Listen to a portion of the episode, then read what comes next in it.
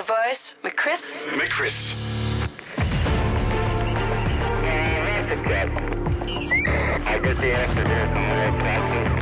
Det her er Langfingerland. Ægte true crime. Nu skal vi en uh, tur ned i uh, politiets døgnrapport. Vi skal en tur rundt i Danmark for at tage temperaturen på den kriminelle underverden, simpelthen fordi true crime, det er så hot. Vi skal til Lolland, hvor der er begået en forbrydelse, et tyveri, en langfinger har været på spil, og vi skal have noget info om den her konkrete situation. Hvad ved vi på nuværende tidspunkt om sagen her? Vi skal til Øster Ulslev, mere specifikt, og hold nu fast. Øllebøllevej. Her var der nemlig indbrudt hus i tidsrummet 13.09 til 14.09, hvor forurettede fik stjålet både uger, knive, men også deres møntsamling. Jamen, nu stopper det simpelthen. Sagde du Øllebøllevej? Øllebøllevej. Intet mindre. Altså, med mindre det kan bevises, at der på et tidspunkt har ligget et bryggeri, eller måske bare et mikrobryggeri på den her vej, så er det simpelthen noget tjusk fra kommunens side, vil jeg mene. Chris, det er da en idé. Vi skal det løvens hule med vores mikrobryggeri fra Øllebøllevej. Det kan noget. Altså, jeg har ikke tænkt mig, at jeg skal begynde at lave det mikrobryggeri. Det, det må du selv styre, det der. tak for supporten. Jeg finder nogen, der gider at lave et mikrobryggeri. Jeg vil gerne komme og drikke nogle af dem, hvis du laver noget.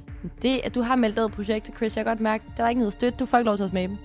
Nej, men jeg kunne være kunde og købe dem. Så er det lige pludselig godt nok. Ja, det er selvfølgelig, det er selvfølgelig rigtigt. Jeg skal nok opkalde en af Øllebøllevejs ølene efter dig, så.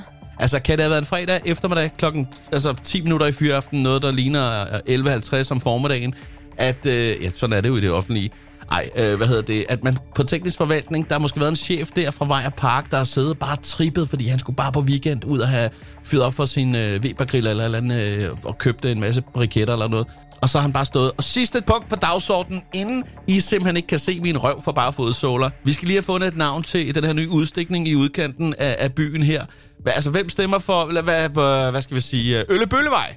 Fedt, mand. Det er vedtaget. Super. God weekend! Det må være sådan, mange af sådan nogle øh, vejnavne i Danmark er blevet opfundet, for det er jo ikke den eneste vejnavn, der er helt hen i vejret. Der er jo mange, altså der ligger også Pøllegårdsvej i Slagelse, ikke? Altså det er bare, det, jeg ved ikke, de har haft hovedet under armen, når de har lavet det, og jeg vil gerne ringe og spørge privat, hvem fanden der står for de her vejnavne. Ja. Men altså, lige tilbage til sagen her. Møntsamling og uger, det giver meget god mening måske. Men knive, altså har Global eller Fiskars, eller hvad de hedder, lavet en eller anden værdifuld jubilæumsserie, vi ikke kender til. Urtekniven i 24 karats massiv guld. Jeg elsker, at du, du tænker det sådan økonomisk. Jeg tænkte bare det samme, men det var sådan en eller anden, der havde brug for at forsvare sig selv. Nå, ja, det kan også godt være. Lad os bare komme videre med endnu en sag i uh, politiets døgnrapport her. Og uh, hvad ved vi konkret om uh, den her situation? Vi er i Rødby, mere konkret på Bjerremarksvej, hvor der i en privat bolig i et tidsrum mellem torsdag og lørdag er blevet begået et indbrud. Tyven eller tyvene kom afsted med både sølvtøj, medicin, en dørhammer og en vasketøjskurv. De må da være rimelig nemme at finde, hvis de går rundt i sølvtøj. Chris, jeg, jeg gider ikke snakke. Du får lige den her kampborg. Sådan der. Så er vi, så er vi videre. Jeg, jeg gider ikke snakke med dig, hvis det skal være med den på. Det gider jeg. Nej, sorry. Uh, nej, men... Uh, Jamen, det, altså, det er da næsten en hjælpsom tyv. Altså, jeg vil da gerne have uh, nogen, de, de stjal min vasketøjskurv. Den tømmer aldrig sig selv. Ej, jeg kunne også godt bruge, at de der lige kom forbi og tømte min. Den er altså ved at være fuld. Det kunne også godt være, at de rent faktisk bare tog vasketøjskurven, havde tømt alt ud på gulvet, og så bare lige tog det med, så de kunne bære alle deres 20 koster. Det gør, de havde glemt varevognen derhjemme, ikke? Aha! Du siger noget. Ja, det lyder plausibelt, det må jeg sige. Men altså, det der med dørhammeren til gengæld, altså, det er altså et vildt statement at have en dørhammer. Jeg tænker mere på forurettet her, der har fået den stjålet. Det kræver sin dør, og ikke mindst også sit hus at have sådan en her. Jeg synes, der er, der er, der er noget badass over at have en dørhammer. Så går man totalt analog på den. Man gider simpelthen ikke noget med batteri og strøm og sådan noget. Fuck det. En dørhammer. Bum. Det duer ikke et kolonihavehus. Der skal være noget, og måske hvis det er sådan et stort løvehoved, tænker jeg, det skal næsten være et palæ, du bor i, hvis du skal have en dørhammer, ellers så er det jo helt øh, forfejlet. Jeg tror, kender du typenværterne, de vil have ret meget at sige om ejeren af en dørhammer, det siger jeg bare. Men jeg tror, der er mange, der har dørhammer, altså sådan på gamle huse, der sidder de bare automatisk. Det er mere et, statement, hvis man går ind og køber en nu. Så skal man godt nok have en, en, en palæ, ikke? Før det passer ind. Mm. Ja. ja, okay, det er rigtigt. De, de, de sidder nok faktisk på mange kolonihavehus, når det, når det, hvis det er sådan nogen, der, der har nogle år på banen. Det, det kan jeg godt se. Det, det var måske også lige... Ja, jo. Og de findes jo også med, med andre end løvehoveder. Der kan, det kan være noget med, med en Marie Høn eller noget måske. Jeg tror bare, jeg skal sætte ind på min lejlighedsdør. Det kan godt være, at jeg har en dørtelefon, men bare lige for ekstra statement. Lige vise, hvilken type jeg er. Jeg er en lille smule misundelig, men det kommer ikke til at ske øh, for mig, fordi at, øh, vi har en glasdør, og det tror jeg ikke øh, matcher godt.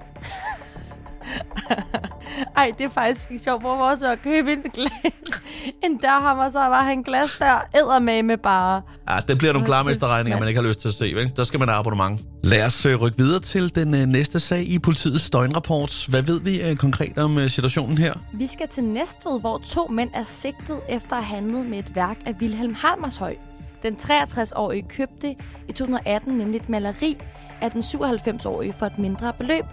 Og det viste sig efterfølgende, at det var tale om et værk af Hammershøj. Derfor satte den 53-årige maleriet til salg på en auktion, og her blev det simpelthen solgt for et sekscifret beløb. Det blev den 77-årige rimelig sur over, fordi at øh, det var kommet for øre, at han ligesom havde solgt det her billede til rigtig mange penge. Så øhm, han henviste til en aftale, han havde med den anden mand, mm. om at de skulle dele den her salgssum. Og derfor krævede han altså halvdelen af pengene. Og på den her måde blev han altså sigtet for trusler. Han har nok sagt det på en knap så pæn måde. Så den 63-årige blev torsdag aften sigtet for bedrageri, og begge sager skal nu gennemgås af politiets jurister. Okay, det virker som noget værre roderi, det her.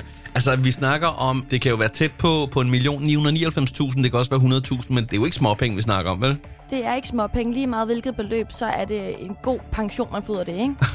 Jeg fatter jo slet ikke, hvorfor at man sælger noget, og så samtidig aftaler, at når køber en dag sælger det videre med fortjeneste, så deler man lige fortjenesten. Hvad fanden er det for en kontrakt at have?